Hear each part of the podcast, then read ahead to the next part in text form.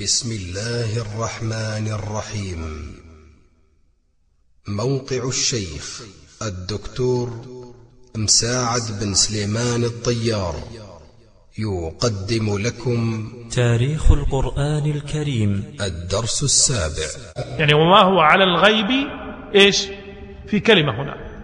هي بضنين وفيها كلمة أخرى بضنين الصحابة ما اجتهدوا في أن يكتبوا في مصحف آخر بضنين فتركوها على بضنين لكن القراء الحفظة ثابت عندهم ولا مو ثابت؟ ثابت. فإذا ما صار في إشكالية بالنسبة للنقل في هذا. لم يكن هناك أي إشكالية بالنسبة للنقل في هذا. فإذا قضية تداخل المقروء والمرسوم واضحة جدا في عمل آه، الصحابة رضي الله عنهم.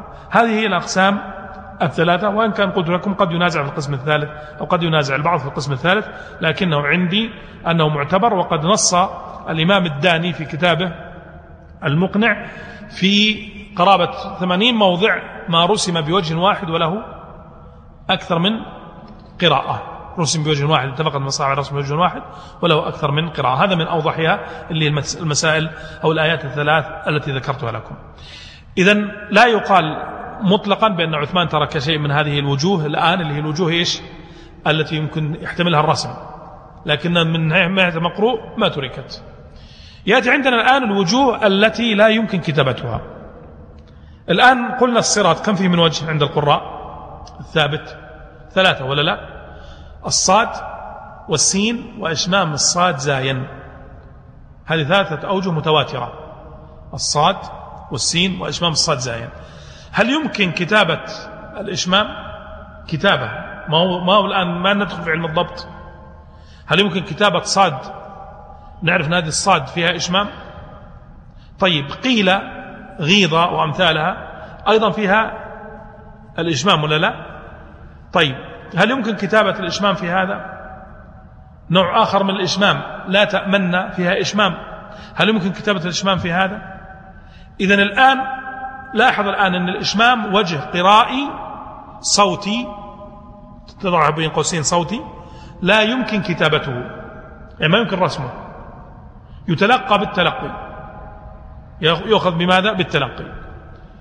هل يمكن لأحد المسلمين أن يقول إن هذه الأوجه القرائية ليست مأخوذة عن النبي صلى الله عليه وسلم؟ ليست مأخوذة عن النبي صلى الله عليه وسلم؟ ها؟ نقول بل هي مأخوذة عن النبي صلى الله عليه وسلم وهي قرآن يعني من القرآن قطعا. فإذا نريد أن ننتبه له حتى الوجوه القرائية الصوتية هي مأخوذة عن النبي صلى الله عليه وسلم. وقد فصلت هذا في ما أذكر في هذا المسجد أو في مسجد الشيخ ابن باز لما تكلمنا عن علم التجويد تأصيل علم التجويد لأنه كان في نقاشات فيما يتعلق بهذا. أنه الصوتي الصوتيات لا يمكن إيش؟ تدوينها رسمها. القضايا الصوتية لا يمكن رسمها لكنها تتلقى. وهنا نقول أي أي معترض على على شيء من الصوتيات على شيء من الصوتيات فإنه يفرق بين متلازمين بين الحرف المقروء وطريقة قراءته. بين الحرف المقروء وطريقة قراءته. أي واحد يعترض. فمثلا لما الآن الآن المنشهر المنتشر قراءة من؟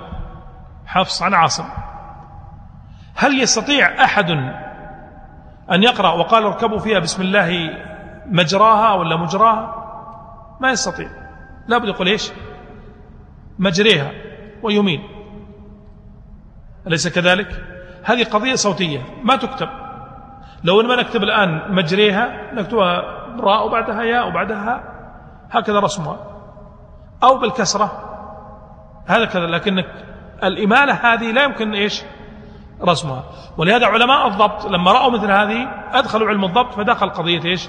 ما يختلط عندنا علم الضبط بعلم الرسم. ما يختلط عندنا علم الضبط بعلم الرسم. فإذا الصحابة ماذا؟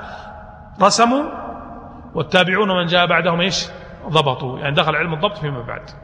دخل علم الضبط فيما بعد. فهذا اللي نراه هو علم الضبط ما هو علم الرسم. اللي هو الإشارة إلى الإشمام أو إلى الإمالة أو غيرها. فإذا الصوت متلازم مع الحرف. لا لا يفكان ولهذا نجزم يقينا أن ما ورد عن القراء بالتواتر أنه متلقا من الحضرة النبوية قطعا بلا ريب. قطعا بلا ريب لأنه لا يجوز لأحد أن يدخل في اجتهاد في مثل هذه الأمور. وسبق أن حررت هذا تحريرا كاملا في علم التجويد المقدمات كانت في علم التجويد أو في تاريخ علم التجويد. في هذه الدورات المباركة يعني دورات مندوبية المعابدة بس ما أذكر السنة وهي موجودة عموما حتى الظهر موجودة على النت يمكن مراجعتها لكي لا نطيل فيها. لكن هذه فكرة مهم جدا ننتبه لها ونحن نتكلم عن تاريخ القرآن. نأتي الآن إلى المشكلة الثانية فيما يتعلق بقضية آه، أو التي تثار كثيرا. الساعة كم الآن؟ الساعة أي خمسة ونص. نعم. إذا بقي عندنا وقت أتوقع. أنا شفت ونص ففجعت كلها لكن 17 ونص فما ما أعرف كم تكون. ناتي إلى مشكلة وهي الآثار الواردة بوقوع الخطأ في كتابة مصعب عثمان. يعني بعض الصحابة نسب خطأ للكاتب في مصحف عثمان. أي نعم يقولون أخطأ الكاتب أو إن فيه حروفا ستقيمها العرب بألسنتها. يعني عندنا إذا آثار آه، قد هي فيها فيها بعضها صحيح لكن كيف نوجهها؟ بعضها باطل يعني ضعيف ليس فيه حجة. إما منقطع آه، وإما يعني أيضا مكذوب. لكن في بعض الآثار التي قد تكون يعني فيها ضعف لكنها محتملة. كيف نوجه مثل هذه الآثار؟ من جهة المتن. يعني من جهة العقل ليست من جهة ماذا؟ الأسانيد. هذه رواية عند ابن أبي داود وغيره. يقول لما فرغ آه، عبد الله بن عامر القرشي يقول آه، لما فرغ فرغ من المصحف أتي به, آه، به عثمان. فنظر فقال أحسنتم وأجملتم. أرى فيه شيئا من لحن ستقيم العرب بألسنتها. يقول أرى فيه شيئا من لحن ستقيمه العرب بألسنتها. وأورد رواية أخرى قال ستقيم آه، قال أيضا ستقيم العرب سنتها قال أبو بكر ابن أبي داود ولاحظوا هذا هذا هذا الفقه من آه، ابن أبي داود. قال هذا عندي يعني بلغتها وإلا لو كان فيه لحن لا يجوز في كلام العرب جميعا لما استجاز أن يبعث به إلى قوم يقرؤونه. وهذا من فقه النص. يعني هل نتصور أن عثمان الآن لما قال هذا الكلام يثبت أن فيه لحن يعني خطأ متفق على أنه خطأ ويرسل المصاحف إلى, إلى الأمصار يقرؤون بها؟ لا. لو كان في لحن لا, لا, لا, لا عد له. يعني تعديل اللحن سهل. فإذا عثمان إن ثبت عنه هذا فهو لا يريد أنه لحن بمعنى خطأ. أنه لحن بمعنى خطأ. ولكن الذي يحمل عليه كلامه سيأتي كلام آه، آه، الداني في هذا. اللي يحمل عليه كلامه اختلاف المرسوم عن المقروء. الصلاة كيف تكتب؟ الزكاة؟ لا أذبحن مكتوبة لا أذبحن لا أوضع مكتوبة لا أوضع يعني لو قرأناها بالرسم لقرأنا لا أوضع لا أذبحن فتكون نفي.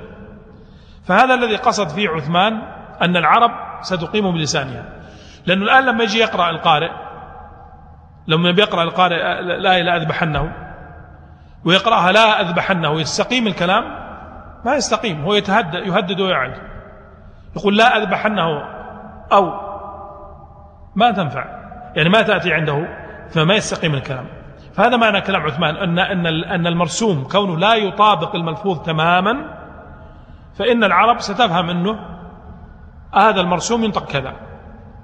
وهذا هو الواقع ولا لا؟ يعني هذا هو الواقع. ماذا يقول الداني بعد ما ذكر هذه الآثار الواردة عن عمر عن عثمان. يقول الداني طبعا هو ضعف هذه الآثار الواردة عن عثمان لكن قال فإن قال قائل فما وجه ذلك عندك لو صح عن عثمان رضي الله عنه؟ قلت وجهه أن يكون عثمان رضي الله عنه أراد باللحن المذكور في التلاوة دون الرسم. إذ كان كثير منه لو تلي على رسمه لانقلب بذلك معنى التلاوة وتغيرت ألفاظه. ألا ترى قوله أو لا أو لأذبحن ولا أوضع ومن نبأ المرسلين. نبأ مكتوب من نبأ همزة ألف عليها همزة ثم ياء. سأريكم همزة بعد واو بعدها راء. الربا الراء بعد الواو بعدها ألف. قال وشبهه من مما زيدت الألف والياء والواو في رسمه لو تلاه تال لا معرفة له بحقيقة الرسم على صورته من الخط في الخط لصير الإيجاب ولزاد في اللفظ ما ليس فيه ولا من أصله فأتى من, من اللحن بما لا خفاء به على من سمعه. مع كون رسم ذلك كذلك جائزا مستعملا. فأعلم عثمان رضي الله عنه إذ وقف على ذلك أن من فاته تمييز ذلك وعزبت معرفته عنه ممن يأتي بعده سيأخذ ذلك عن العرب. إذ هم الذين نزل القرآن بلغتهم فيعرفونه بحقيقة تلاوته ويدلونه على صواب رسمه. فهذا وجهه عندي والله تعالى أعلم. وهذا كلام من محقق وهو كلام محقق. أنه إذن الآن أحد الأوجه أن نأخذها يعني في تخريج مثل هذا الكلام أن قصد عثمان أن المرسوم صورة المرسوم تخالف الملفوظ. إذا كان صورة المرسوم تخالف الملفوظ, تخالف الملفوظ نرجع إلى قاعدة ذكرت لكم. أيهم يقدم؟ المرسوم ولا الملفوظ؟ الملفوظ اللي هو المحفوظ هو الذي يقدم. هو الأصل. إذا المقروء حفظا هو الأصل. والمرسوم صورة له. لو قرأنا من المرسوم وقعنا في هذا الإشكال. لو قرأنا من المرسوم وقعنا في هذا الإشكال. من باب الفائدة تجدون أحيانا يأتي بعض يعني من آه، قد يكون من حسن النية يأمر بكتابة المصحف إملائيا يأمر بكتابة المصحف إملائيا. طبعا كتابة المصحف إملائيا هي مخالفة لإجماع عمل الصحابة.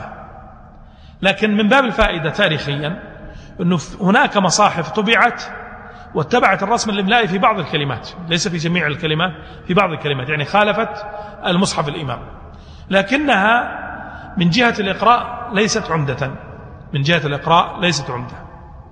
علماء المغرب علماء المغرب هم الذين عنوا عناية تامة بما يتعلق بالرسم والضبط. بالرسم والضبط. ولا زالوا إلى اليوم عندهم عناية تامة بالرسم والضبط. ماذا يحصل عندهم؟ يتعلم الطالب رسم المصحف وضبطه بالتدوين المباشر. ويتعلم الإملاء عند عالم العربية. يعني أن يتعلم كم؟ يتعلم رسمين الرسم الإملائي المعاصر والرسم العثماني. ولا سمعنا أنه يوم الأيام استشكل أحد من المغاربة شيئا أو اختلط عليه الرسم الإملائي بالرسم إيش؟ العثماني. فإذا أقول إن هنا ليس هناك أي إشكالية في قضية الرسم العثماني. إشكالية عندنا نحن. يعني النقص عندنا نحن وليس في صعوبة هذا الرسم. الذي صعب يتعلم. لو كان يتعلم الرسم العثماني من مبادئ مع مبادئ التعلم ما وقع إشكال. وأنتم جربوا الآن مع طلابكم جربوا تعلمونهم الرسم الإملائي العثماني. جربوا تعليمهم الرسم العثماني ستجدون أنهم خلال آه، أسابيع يكونون بإذن الله قد تعلموا وفرقوا بين الرسم العثماني والرسم الإملائي. ما في أي صعوبة. لكن بالتجريد يعني. هو بيكون صعب لكن يبدأ يتعلم. قل له هذه الآن صفحة أمامك اكتبها بدون نقط أو شكل. كما هي. بدون نقط أو شكل وحتى الألف الخنجرية لا تكتبها. أي زوائد لا تكتبها. فإذا بدأ يكتب كتب صفحة أو صفحتين كل يوم يكتب كل يوم يكتب بيبدأ يتعلم على إيش؟ الرسم العثماني. والرسم الإملائي عنده واضح ما عنده مشكلة. فما في أي صعوبة. الصعوبة هي عدم التعلم وليست في نفس العلم. هي عدم التعلم وليست في نفس العلم. وإلا كيف ضبط العلماء قضية هذا الرسم؟ إلا بقضية الممارسة والتعليم. لكن إحنا لا نتعلم فإذا رأينا نقول والله هذا صعب. هذه والله يمكن يقرأها فلان كذا أو ما أحد يقرأها هكذا إلا إذا كان يقرأ من المصحف. لا تأخذ القرآن من مصحفي لأنه سيصحف قطعا. فإذا أقصد من أقول بعد ذلك أنه لا إشكال في قضية الرسم وإنما الإشكال عندنا. هذا الوجه الأول الذي يحمل عليه ما ورد من قولهم أخطأ الكاتب أو, أو أن فيه آه، حروفا. ستقيم العرب بلسانهم. الوجه الثاني الوجه الثاني أن يحمل أن يحمل تحمل التخطئة على عدم علم المخطئ بالوجه المرسوم الثاني. على عدم علم المخطئ بالوجه المرسوم الثاني. بمعنى أنه لما تأتي عائشة رضي عنها يرد عنها تقول أخطأ الكاتب. نقول هي من حيث هي صدقت. ليه؟ لأن هي لا تعلم إلا هذا النوع من الرسم اللي عند الذي عندها ولا تعلم الوجه الآخر. ويمكن لو رسمت عائشة رضي الله عنها هذه اللفظة بكذا وعرضت على الكاتب لقال أخطأت عائشة رضي الله عنها. لماذا؟ لأنه لا يعلم إلا هذا الوجه. معنى ذلك أن نقول بين قوسين تنوع الرسم. نريد أن نثبت تنوع الرسم. من فقه ابن أبي داود رحمه الله تعالى. لما أورد الآثار الواردة عن عثمان في قوله إن فيه لحنا ستقيم العرب بلسنتها أورد أثرا مهما. هو في باب في هذا الباب نذكره لقضية التنوع. أورد أثرا عن ابن عون. قال ربما اختلف الناس في الأمرين وكلاهما حق. ربما اختلف الناس في أمرين وكلاهما حق. أنا جلست أتأمل هذا الأثر في كتاب المصاحف آه، لابن أبي داود. لماذا أورده هنا؟ يعني بالفعل أنه غريب. لكن لما تأملت ذهب ذهني إلى أن أقول هذا من فقه ابن أبي داود في هذه المسألة. كان يريد أن يشكر إلينا أن ما قاله عثمان أو ما خطأ به بعض الصحابة الأمر فيه جاء على سبيل التنوع. اختلف الأمران وكلاهما حق. فالرسم الذي رسمه زيد ومن معه من الصحابة صحيح؟ والرسم الذي احتجت به عائشة صحيح. اختلاف تنوع. هذا يمكن أن يرد ولا يمكن أن يرد؟ يمكن أن يرد. بل هو وارد إلى اليوم عندنا ولا لا؟ ودائما أنا أضرب مثال بلفظة مشهورة جدا. شؤون. نكتبها على نبرة ولا على واو؟ ولا لا؟ في خلاف بين الإملائيين بل الآن عند المغاربة أو بقول بعض المغاربة لأن لأني مرة قلتها قال واحد والله أنا نكتب بدون كذا. لكن المعروف الآن الكتب الكثيرة من المغرب الرحمن يكتبون يثبتون الألف والمشارقة لا يثبتون الألف. هذا اختلاف إيش؟ اختلاف تنوع. يعني لو جاء واحد وقال والله خطأ الرحمن كتبت كذا خطأ لأنه ما تعرف إلا الرسم الذي يحذف الألف. والثاني اللي يكتب الألف في الرحمن إذا رأى الرحمن من دون ألف قال خطأ يروح يعدلها. يعني أخطأ الكاتب. هي نفس الفكرة. فإذا أقول هذه قاعدة كلية. نحمل عليها اختلاف الصحابة أو كل نقل ورد من الصحابة في اختلاف المرسوم. طبعا مو البعض قد يكون من غير هذا الباب لكن الذي يدخل في هذا الباب يدخل في باب اختلاف التنوع في باب اختلاف التنوع. أنها اختلاف في المرسومات. إذا كان اختلاف في المرسومات فلا إشكال في ذلك. فإذا الآن ما الذي نتج عندنا؟ نتج عندنا مجموعة من القواعد ننتبه لها فيما يتعلق بقضية تدوين المصحف. القاعدة الأولى أن الصحابة كتبوا كما يعلمون من الرسوم التي تعلموها ولم يجتهدوا بافتعال رسم جديد. لأن هذا كله من عمل الصحابة. القاعدة الثانية أن الصحابة اجتهدوا في تدوين الوجوه المختلفة من وجوه القراءات التي يمكن كتابتها. التي يمكن كتابتها. أما الصوتيات فجاء طبعا أمرها متأخر. والقاعدة الثالثة أن كل صحابي كان يكتب على حسب ما تعلم من الرسم الذي قد يخالفه فيه غيره. أن كل صحابي يكتب على حسب ما تعلمه من رسم الذي يخالفه فيه غيره. ومن أيضا الأمثلة الواضحة في قضية اختلاف التنوع وكنت قلت لكم ذكروني لكن يبدو أنه بعضكم نسي. لما قلت لكم في التابوت تذكرون الخلاف بين زيد والصحابة؟ زيد يرى أنها تكتب إيش؟ التابوه والقرشيون يرى أنها تكتب إيش؟ التابوت. فلما رجعوا لعثمان قالوا اكتبوها بلغة قريش يعني بالموافق لملفوظها ومنطوقها فإنه بلسانها نزل. فكتبوا التابوت. هذا من أكبر الأدلة أيضا على اختلاف إيش؟ التنوع فيما بينهم. وهم الآن الكتب الخاصون اللي اجتمعوا لجنة خاصة لكتابة الوحي. فبعضهم يرى التابوه والثلاثة اللي هو زيد والثلاثة الآخرون يرون التابوت. فهذا مبني على اختلاف التنوع في المرسوم. إذا فهمنا ما يتعلق بالمرسوم بهذا الشكل فإنه يزول عندنا إشكال كثير فيما يتعلق بهل وقع خطأ في المرسوم أو ما وقع هل هناك لحن أو ما هناك كل هذا يزول. أيضا مما يتعلق بهذه المسألة وننتبه له من باب إذا جاءت نقدات إلى هذا اللي وذكرناها هي قاعدة مرتبطة بهذا. أي لحن نسب إلى الكتاب؟ سواء كان لحن في في في في العربية أو لحن في الإملاء فهو خطأ من الملحن الذي أوقع اللحن هذا يزعم فيه لحن. لماذا؟ لأنه أولا في, في الأول يعني إذا قال لحن في العربية فإنه إذا ثبت أن الصحابة اجتهدوا حتى لو اجتهدوا في أنه يكتب هكذا وحتى لو قيل إن هذا من كلام محمد صلى الله عليه وسلم فهو بذات حجة عربية ولا لا؟ يعني لو تنازلنا مع الخصم هذا التنازل. قلنا والله هذا من اجتهاد الصحابة. أو بزعمك أنه رفع شوي قال, قال هذا من قول محمد صلى الله عليه وسلم. فيما يزعمون. سواء قالوا بهذا وبهذا هل يسمى هذا لحنا؟ لا يسمى لحنا. لماذا؟ لأن هؤلاء ممن تؤخذ منهم اللغة. ممن تؤخذ منهم اللغة. فإذا لا يوجد لحن إطلاقا على أي وجه من الوجوه. لا يمكن أن ينسب اللحن في العربية إلى القرآن بأي وجه من الوجوه. إطلاقا. القضية الثانية في الإملاء إذا نسب اللحن في الإملاء فأن قد سبق أن ذكرنا قبل قليل أن القضية ارتبطت بإختلاف الاصطلاح. باختلاف الاصطلاح. فكل ما تقدم الزمن يختلف إيش الاصطلاح في في في قضية الإملاء.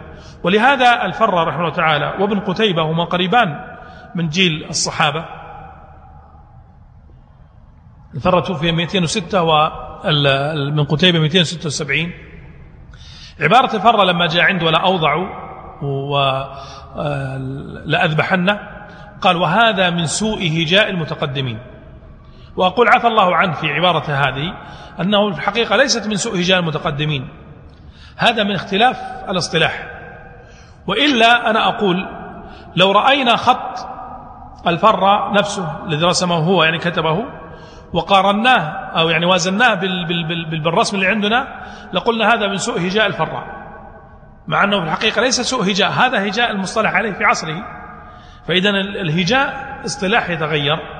فلا نحاكم رسم المصحف العثماني بما تغير وتطور من الرسوم بعده إطلاقا. وهذه قاعدة كلية تنتبه لها. فإذا لا يقال إن هناك خطأ إملائي أو إن إنه إن الصحابة ما كانوا يعرفون الكتابة هذا ليس بصحيح. ليس بصحيح إطلاقا. بل كانوا يعرفون الكتابة وكتبوه آه، واجتهدوا فيه كما وصلنا. وهو اليوم الله الحمد لله يعني الرسم الأول موجود عندنا بين يدينا. تريدون أن تنظروا إلى رسم الصحابة؟ أي واحد منكم يمكن بالفوتوشوب أو غيره يأخذ صفحة من مصحف ثم يزيل كل ما يتعلق بالشكل والنقط ويبقي فقط صورة الكلمة. ويتأملها. ينظر هذا هو رسم الصحابة.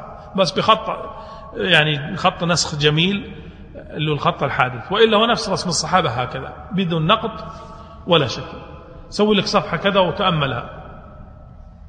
تتعجب هذا كذا كان الصحابة يكتبون وهكذا كانوا يقرؤون من هذا المكتوب بدون نقد. ولا كان عندهم فيها أي مشكلة كما قلنا قبل قليل. طيب. نأتي إلى آه، آخر قضية في درس اليوم وهي قضية ابن مسعود رضي الله تعالى عنه وموقفه من المصحف. موقفه من المصحف اللي هو الجمع الجمع العثماني. آه، ابن مسعود رضي الله عنه استشكل استشكالا في قضية جمع المصحف. ما هو ما هي المشكلة التي عرضها؟ أنه كيف يؤخر عن جمع المصحف ويقدم زيد بن ثابت ويقول وإني إني قد أخذت من في رسول الله صلى الله عليه وسلم سبعين سورة وإن له ذؤابتان يمشي بهما في المدينة. يعني كان صبي إيش؟ صغير. فإذا ابن مسعود وجد على أنه لم يجعل في لجنة المصاحف. يعني وجد على أنه لم يجعل في لجنة المصاحف. واضح الآن هذا؟ فهذا اعتراض من ابن مسعود. أول اعتراض عند ابن مسعود في هذا. حينما نتكلم عن هذا الأمر يجب أن يكون عندنا قمة في الاعتدال في هذا الموضوع. ولماذا أقول قمة؟ زيد قمة هذه؟ لأننا نتكلم عن صحابي. من أشهر صحابة الرسول صلى الله عليه وسلم وأكثرهم عناية بالقرآن ومن السابقين للإسلام ومشهود له بالجنة. هذا جانب. وفي جانب آخر أيضا يجب أن ننتبه له أن الصحابي ليس معصوما. لأن عندنا جانبان. وهذا من باب العدل. هذا من باب العدل. لأن بعض من يأتي إلى مثل هذه الأمور يوقفه تعظيم الصحابي عن الوصول إلى الحق في هذه المسألة. فيقع عنده إشكال. فلأن الإشكال سيقع أنك إذا بدأت تتأول كأنك في النهاية ماذا؟ تعصم الصحابي تجعل له العصمة تنزهه من أن يقع منه الخطأ. لكن الاعتدال هو المطلوب. وإذا قلتم فاعدلوا. فلاحظوا الآن أن ابن مسعود رضي الله عنه في هذا المقام رضي الله عنه قد وقع في خطأ واضح. وليس هذا قولي أنا بل قول الصحابة هم خطأوه. أبو الدرداء وموسى الأشعري وحتى تلاميذه رضي الله عنه كانوا قريب منه يعني اعترفوا بخطأ ابن مسعود. وهذا يرجع أيها الإخوة إلى مسألة مهمة جدا يجب أن ننتبه لها وهي أنه مهما كان الإنسان علوة وشأنا ورفعا إلا أنه يبقى للنفس حظا. ولكل جواد كبوة. فهذا الحظ من النفس قد يؤثر في أحد الأماكن أو في أحد الأزمنة عليه فيقع منه ما لا ما لا يحب أن يكون وقد وقع. لكن قدر الله أنه وقع. فلا بد أن نناقش المسألة مسألة علمية مجردة. نناقش مسألة علمية مجردة. وهنا تنتبهون إلى هذه المسألة. لأن كثير من الناس إذا كان عالم معناه إذن هو معصوم. أو إذا كان عالم نضعه في منزلة معينة فإذا رأيناه صنع شيئا ما نستطيع أن كيف كيف نتعامل مع هذه أخطأ كيف أخطأ إلى آخره. لا نجعل المسألة مبنية على هذا. وإذا قلتم فاعدلوا. منزلته كصحابي سابق في الإسلام من قراء الصحابة من من إلى آخر هذه لا يجادل فيها إطلاقا. لكن نتكلم عن موقفه هذا. هل أصاب أو أخطأ؟ الصحابة أنفسهم رضي الله عنهم الصحابة أنفسهم أجمعوا على أنه أخطأ لأنه ما في أحد وافقه فلما لم يوافقه أحد دل على أنهم خطأوه في هذا. فاعتراضه بتقديم زيد رضي الله عنه مع أنه تلقى لواء بن مسعود من النبي صلى الله عليه وسلم وأخذ مشافة من النبي صلى الله عليه وسلم هذا الاعتراض في غير محله اعتراض في غير محله. لماذا في غير محله؟ لأنه إن كان هذا الاعتراض يصح فلماذا لم يقم في عهد أبي بكر؟ كان هذا الاعتراض يصح فلماذا لم يقم في عهد أبي بكر؟ بل في عهد أبي بكر كان الأمر أكثر خصوصية. يعني زيد كان هو الذي يتولى أكثر من الآن الآن معه ثلاثة. أما في عهد أبي بكر ما كان معه أحد ما كان معه إلا عمر يسنده يعني يساعده في هذا. وإلا فهو المسؤول الأول عن جمع القرآن. فإذا نقول أنه كان المفترض أن يكون هذا أنه في عهد أبي بكر الاعتراض وليس في عهد عثمان. القضية الثانية أن الاعتراض الذي بنى, بنى عليه ابن مسعود ليس اعتراضا علميا. كونه زيد بن ثابت رضي الله عنه كان صغيرا ما لها علاقة بكونه الآن قادرا على أن يتولى هذه المهمة ولا لا؟ هذه مسألة ما لها علاقة بالحدث لم يتهم إذن ابن مسعود علم زيد.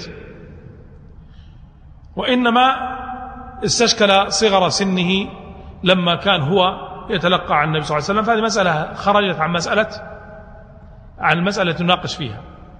مما يدلك على أن ابن مسعود قد أخذه في نفسه الشيء الكبير رجع له يقول مثل هذا. طيب. أيضا تقديم الصحابة لأنه الآن اجمع الصحابة على هذا العمل تقديم الصحابة لزيد بن ثابت لهذا العمل لأنه ما حد اعترض إلا هو. ومع ذلك كل الصحابة موافقون لعثمان. تقديمهم على هذا العمل ليس معناه الغض من منزلة ابن مسعود. ما أحد غض من منزلة مسعود ولا أحد أنكر. بل, بل ابن مسعود قام في بعضهم وقال والله إني قد أخذت من في رسول الله سبعين, سبعين, سبعين سورة. وأني ما, من آية إلا نعلم أين أي وما من آية إلا وأنا أعلم في من نزلت وأين نزلت. كلهم يوافقونه على هذا ما يخالفونه ما قال أحد منهم أنت لا لست كذلك. فهذا ما أحد أنكره عليه. لكن أنكروا عليه اعتراضه. لماذا اعترض؟ على تقديم زيد. ما له مبرر. فإذا مقصد من ذلك أن الصحابة لم لم يعترضوا أو لم أحد منهم يتنقص علم ابن مسعود. كلهم يشهدوا له بهذا. كلهم يشهدون له بهذا. ما حتى ننقص منه أبدا. فإذا المسألة الآن ليست مسألة كونك أنت أعلم فقط. هناك اعتبارات أخرى. فزيد لأنه هو الذي سبق أن كتب في عهد آه، أبي بكر رضي الله عنه وهو الكاتب الخاص الوحي. عنده مبررات أكثر من مبررات عند ابن مسعود. شهد العرضة الأخيرة أيضا هو شهد العرضة الأخيرة. ولاحظوا حتى أن ابن مسعود ما احتج بأن يقول وأنا شهدت العرضة الأخيرة أيضا زيد حكي أنه شهد العرضة الأخيرة فإذا المقصد من هذا أن نقول إن هذا الذي قام من ابن مسعود رضي الله عنه يجب أن ننتبه له أنه قضية شخصية وانتهت. لا يعول عليها وإنما يستفاد منها. يعني لا يعول عليها وإنما يستفاد منها. أيضا من القضايا يمكن أن تضاف أن زيد رحمه رضي الله عنه لما جمع المصحف لم يجمعه من نفسه أو يجمع أو أو يجمع المصحف القراءة التي كان يقرأ بها هو. بل أجمع أخذ من مصحف أبي بكر. يعني ما هو عمل خاص قراءة زيد فقط. لأن, لأن بعض الآثار قال تريدونني أن أقرأ على قراءة زيد؟ ما أحد قال له اقرأ على قراءة زيد. ولا أحد قال إن زيد سيكتب قراءته فقط. والدليل على ذلك أن الموجود الآن ليس هو قراءة زيد في القراءات المتواترة ليست قراءة زيد ولا تنسب إلى زيد إلا بعضها بل شيء ينسب حتى له هو كما سيأتي. طيب فهذه مسألة فيما يتعلق باعتراض ابن مسعود على زيد ابن ثابت نأخذها بهذه بهذا الإطار. أن مسألة شخصية ويغفر الله سبحانه وتعالى لأبي عبد الرحمن عبد الله بن مسعود ونعلم أنه من السابقين وهي كبوة لا تساوي شيء في إيش؟ مزاياها الكثيرة جدا. لكن ما نأخذها مثل ما أخذها الطاعنون ونجعلها حجة. فنقول لهم حتى هذه ثابتة عندنا ونعرفها ولكن لا يقوم الفرد ضد ماذا؟ المجموع. يعني الآن واحد أمام مجموعة فيقدم إجماع الصحابة في مثل هذا الأمر. مسألة أخرى أيضا فيما يتعلق بابن مسعود رضي الله عنه. وهو أنه يقولون وهو ثابت عنه عموما أنه كان لا يرى المعوذتين من القرآن. لا يرى المعوذتين من القرآن. طبعا ابن مسعود يقول علقمة آه، يقول كان يعني ابن مسعود يحك المعوذتين من المصحف ويقول إنما أمر النبي صلى الله عليه وسلم أن يتعوذ بهما وكان عبد الله لا يقرأ بهما. الآن هذا الأثر. أول مسألة هل ابن مسعود ينكر أنها نازلة على النبي صلى الله عليه وسلم؟ يعني أن النبي صلى الله عليه وسلم كان يتعوذ بها؟ ما ينكرها مطلقا إنما ينكر ماذا؟ جزئية معينة وهي أنها من القرآن. طيب. لاحظوا الآن وهذه فائدة مهمة فيما يتعلق بتاريخ القرآن مع جلالة ابن مسعود وحرصه على تلقي القرآن من النبي صلى الله عليه وسلم جهل رضي الله عنه أن تكون المعوذتان من القرآن. هل هذا عقلا ممتنع؟ غير ممتنع لأن الصحابة كثر فهو غير ممتنع. طيب. الآن كونه كونه يسلم القرآن ويقول لا تخلطوا بالقرآن ما ليس فيه فإنهما معوذتان تعوذ بهما النبي صلى الله عليه وسلم. وفاهم هذا؟ وفاهم أنها معوذات تعوذ بها النبي صلى الله عليه وسلم. مثل أي دعاء يتعوذ به النبي صلى الله عليه وسلم ولم يدري أنهما قرآن. فإذا إقراره بهذا أنها معوذات جزء وإنكاره جزء آخر. فهل نناقش إنكاره؟ هل أنكر أحد من الصحابة هذا غيره؟ نقول لا. بل إن تلاميذه أيضا فيما بعد لم يأخذوا بقوله لم يأخذوا بقوله. فإذا الآن نحن أمام من يعلم ومن لا يعلم. ومن يعلم حج على من لا يعلم. فما بالك إذا كان الذي يعلم هو كل والذي لا يعلم واحد؟ يعني كل الصحابة سوى ابن مسعود؟ فإذا لا يحتج أو لا يحتج محتج مثل ما فعل بعض المستشرقين وبعض المغرضين من الملحدين لا يحتج بمثل هذا. لأن المسألة عقلية ما تحتاج إلى آه، مثل هذا. بل إنه يلتمس عودة ابن مسعود أو عودة ابن مسعود عن هذا الرأي. كيف نلتمسه؟ من أن طريق الكوفيين أو أحد طرق الكوفيين في القراءة هي إلى من؟ ابن مسعود ولا لا؟ أحد طرق الكوفيين في القراءة إلى ابن مسعود. يعني ابن مسعود وعلي بن أبي طالب وعثمان. الآن ابن مسعود هو أحدهم. وإذا جاء إنسان يأخذ القراءة يأخذها عرضا كاملا أو مشافهة كاملة. يعني إما سماع كامل أو عرض كامل. فهذا يلتمس منه أن ابن مسعود رضي الله عنه رجع عن هذا لأنه لا يتصور من يكون بجلالة علم مسعود أنه ينكر هذا ويتركه بعد أن يتبين له بعد أن يتبين له. فإذا نقول إن هذا وإن كان مذهبا له إلا أنه رضي, رحمه رضي الله عنه رحمك الله قد ترك هذا بهذه الدلالة. طبعا بعض العلماء لما يأتون مثل هذا المتعلق بقضية إنكار ابن مسعود تجده يتأول ويتمحل ويذهب يمنة ويسرى. مع أننا لسنا بحاجة لهذا أيها الأخوة. يعني الحق واضح وأبلج. فلسنا بحاجة إلى شيء من التأولات المرتبطة بعمل ابن مسعود رضي الله عنه. القضية الأخيرة التي أيضا أشكلت في مسألة ابن مسعود لقضية حرق المصاحف. حرق المصاحف. يعني ابن مسعود رضي الله عنه امتنع عن حرق مصحفه. والصحابة كلهم أحرقوا مصاحفهم. وأحرقوا ما عندهم. هذه القضية الآن من ابن مسعود وكان شديدا فيها وكان يقول غلوا مصاحفكم فإن من يغلل يأتي بما غل يوم القيامة. هذا العمل منه رضي الله عنه. أيضا تلاحظ أنه عمل ماذا؟ فردي وليس عملا جماعيا. بل إن أبا الدرداء وأبا موسى الأشعري جاءوا إليه في بيته يطلبون منه المصحف. يؤكدون عليه أنه, أنه يعطيهم مصحف ويرفض. يعني يطلبون منه مصحف ويرفض. فإذا هذا مذهب شخصي خاص به. ولم يؤثر هذا لا على جلالته من جهة ولا على نقل المصحف من جهة أخرى. فهذه المواقف التي ذكرناها عن ابن مسعود رضي الله عنه إذا تأملناها بعين العقل والحكمة نجد أنها بعضها آراء شخصية خاصة به مخالفة لرأي كل الصحابة فلا تؤثر على نقل القرآن وبعضها اللي هو خاصة بما يتعلق بالمعادلتين فيه إشارة واضحة من أنه آه، رضي الله عنه قد رجع آه، إلى ما كان عليه الصحابة من قضية المعوذتين لأن طريق الكوفيين عنه يعني يذهب أو يرجع إليه. لاحظوا أيضا هناك أثر ورد عن ابن مسعود آه، نقله بوائل شقيق بن سلمة يقول إني سمعت القراءة فوجدتهم متقاربين. فاقرأوا كما علمتم وإياكم والتنطع. فاقرأوا كما علمتم وإياكم والتنطع. فهذا القول منه يعني من مسعود. كان فيه إشارة وإلماح إلى ماذا؟ إلى أنه بعد أن هدأت الأمور وسمع هذه القراءات كأنه قال مثل هذا القول. فهذا أيضا إشارة إلى تراجعه عن هذا المذهب الذي كان يتمسك به. ثم لو افترضنا جدلا أن ابن مسعود بقي متمسكا بجميع هذه الآراء. أنكر المعوذتين جدلا. ولا ومات وهو غير راض عن عمل زيد. ومات وهو قد غل مصحفه. هل يؤثر عقلا هذا على نقل القرآن؟ ما يؤثر.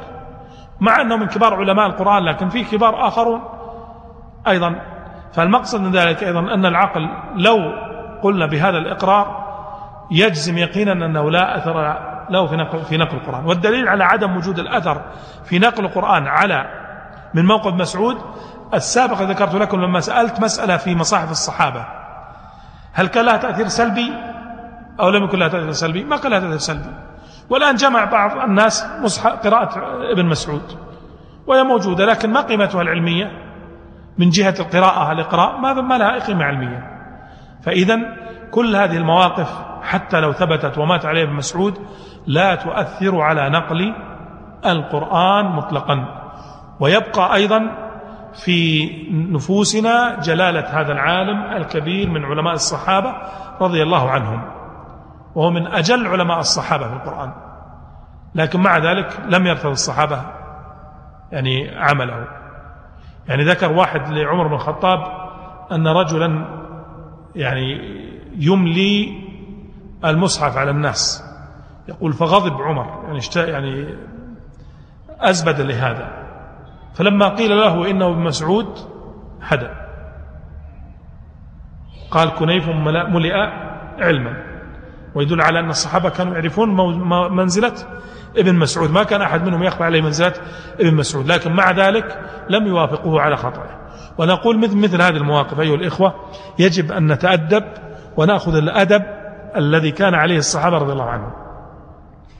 لو كان لا قال قيل بعض قال بعضهم لو كان عندنا يوم قال بعضهم يهجر وبعضهم قال يفعل به كذا والآخرون قال هذا مبتدع ضال إلى آخره. ولم يكن الصحابة عندهم مثل هذه الأساليب في التعامل فإذا يجب أن يكون من القصص والأمثال التي نأخذها في تعامل الصحابة فيمن بينهم مثل هذا. قد يحتد النقاش فيمن بينهم قد تصدر أيضا عبارات قد يكون فيها شيء من الثقل لكن كانت النفوس كلها صافية وليس بينهم أي شيء.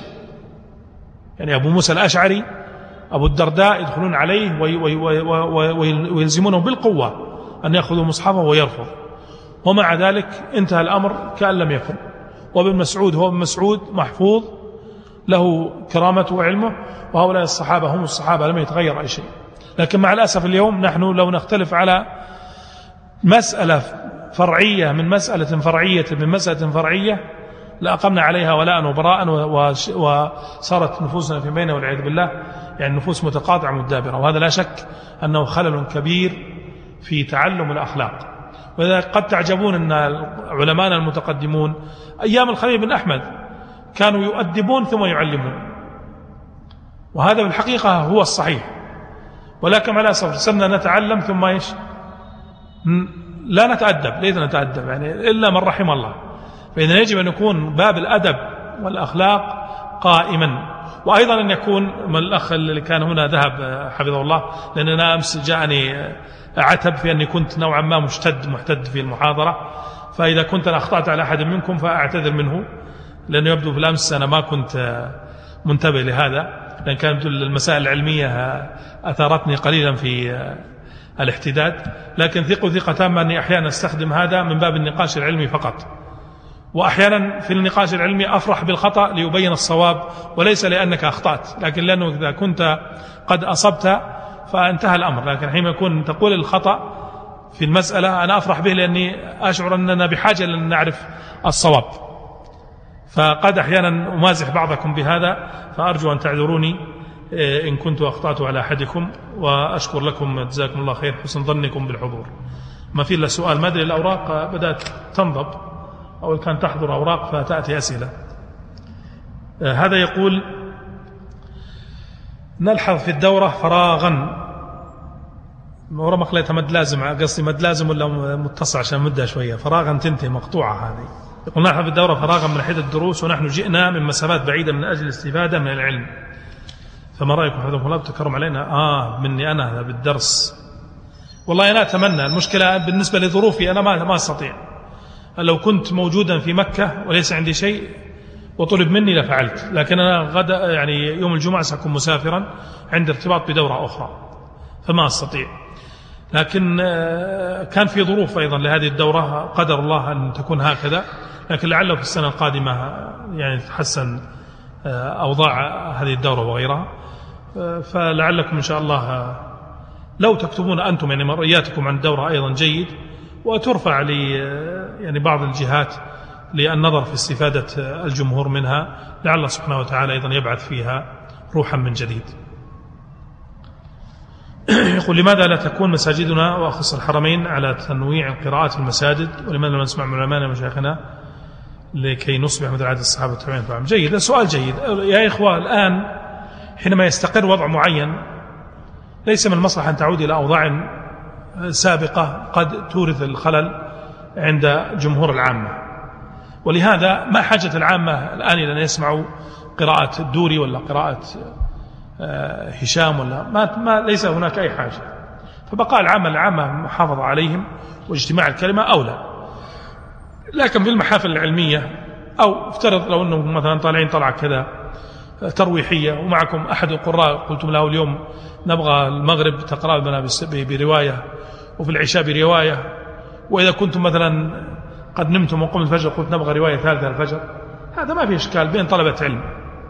أو إنسان في بيته من المقرئين أو مع مجموعة يعرفهم يقرأ بهم ما في إشكال. لكن انتبهوا إلى مسألة العامة أنه لا يلبس عليهم. لا يلبس عليهم. هذه مسألة مهمة. فأقصد من ذلك أن لسنا بحاجة لها. لو ذهبت إلى المغرب تجدهم يقرؤون برواية ورش. وبعض أجزاء من السودان وأفريقيا يقرؤون برواية الدوري. فهو موجود. يمكن لو قرأت عليهم برواية حفص. لا شن عليك العامة. فليس من من المستحسن لمن كان يقرأ بقراءة حفص أن يؤم هناك. لأنه قد يلبس على العامة إذا كانوا لا يعلمون.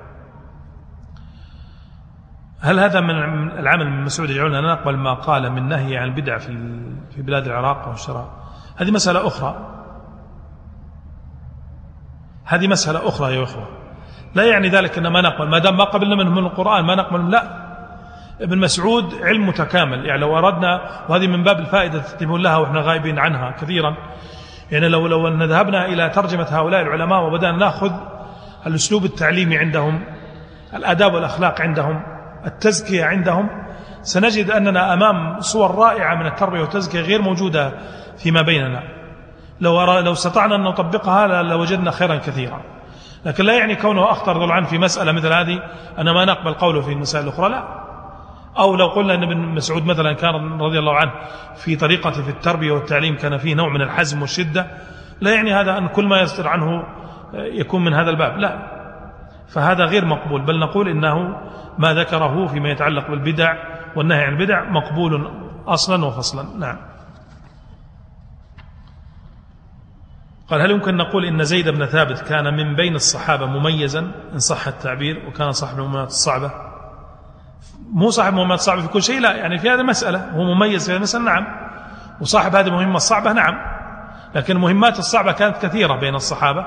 هذا أحدها فاختاروا من هو أقدر على ذلك. يعني وقال الرسول صلى الله عليه وسلم اقتدوا بالذين من بعدي إذا, إذا أضفنا إليه سنة الخلفاء الراشدين إذا أضفنا إليه إجماع الصحابة فيدل على أن اختيار زيد كان موفقا بلا ريب. آه ثم قال إذا كان إذ كان لأبي بكر الصديق في تقديمه سلف فقد فقد فقد قدمه النبي صلى الله عليه وسلم يوم قال يا زيد تعلم لغة يهود فإني أخشى على القرآن منهم. ما أدري قضية أخشى على القرآن منهم عبارة ما أعرف عنها لكن قال بأنه تردني منهم كتب اللي أعرف. اللي يذكر اللي يذكر فإنه تريدني منهم كتب. تريدني منهم كتب. هل عبارة أخشى من القرآن أخشى. هذه واردة هذه. أخشى على القرآن منهم. هم؟ طب ما في وقت وكان نخرجها من الشاملة لك عشان ما ما يعني نشغلكم؟ تراجع هذه. لكن على العموم هذا لا شك. لأن زيد كان عنده قدرة في تعلم آه هذه اللغات ورسمها فتعلمها في عشرين يوم كما ورد عنه في آه الصحيح. لكن آه عبارات هذه طبعا تعرفون عبارات معاصرة وإعلامية رجل مهمات إلى آخره. فاستخدامها لا بأس به لكن لا يعني أنه في كل شيء وإنما في هذا. لأن الصحابة كان كل واحد منهم تجد عنده تخصص في أمر أو أمرين أو ثلاثة ويحسن أن يعمله لا يحسن غيره. مثل مثل أبي ذر. هل يصلح أبو ذر أن يكون أميرا؟ النبي صلى الله عليه وسلم نهاه عن ذلك لأنه ما كان يصلح. ولذا لما جاءت قضايا تتعلق بالأمارة والحكمة في إدارة سياسة أمور الناس كان أبو ذر رضي الله عنه يعارض فيها عثمان يعارض فيها معاوية. فما كان رضي الله عنه يعني مصيبا فيها لأنه ليس من بابه. لكن باب الزهد والتواضع والورع كان هذا بابه رضي الله عنه فكان من قمة في هذا الباب. نعم. بقي سؤال مباشر أو نقف؟ تفضل. أي نعم غدا؟ نعم فيه. غدا سنكمل بقية ما يتعلق بالأحرف السبعة ونشوء القراءات سريعا إن شاء الله. وإذا كان أيضا نسيت شيء مما مضى سأراجع المعلومات كاملة. إذا كنت نسيت شيء مما مضى سأتبع إن شاء الله في الدرس القادم الذي هو غدا بإذن الله. بحيث تتكامل عندنا الصورة. لأن أيضا قضية القراءات ونشوءها مشكل فيما يتعلق في تاريخ القرآن. لعلي غدا إن شاء الله أفككه وأشير إليه بإذن الله.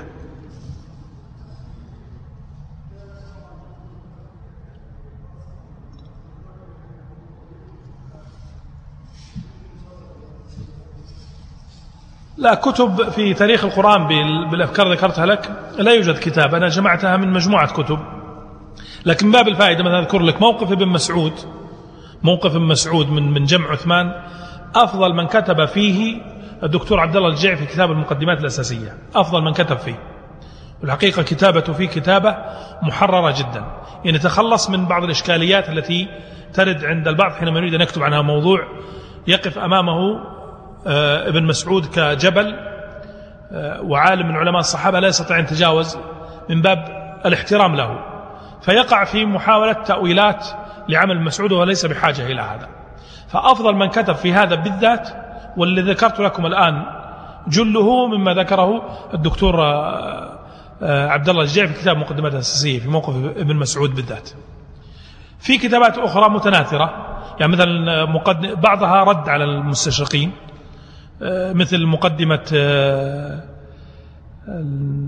نسيت اسمه المقدمة صاحب صاحب المصاحف اللي حقق المصاحف اللي هو الدكتور محب الدين عبد السبحان أو عبد السبحان كذا واعظ. أيضا في مقدمته فيها أشياء مهمة جدا في تاريخ القرآن.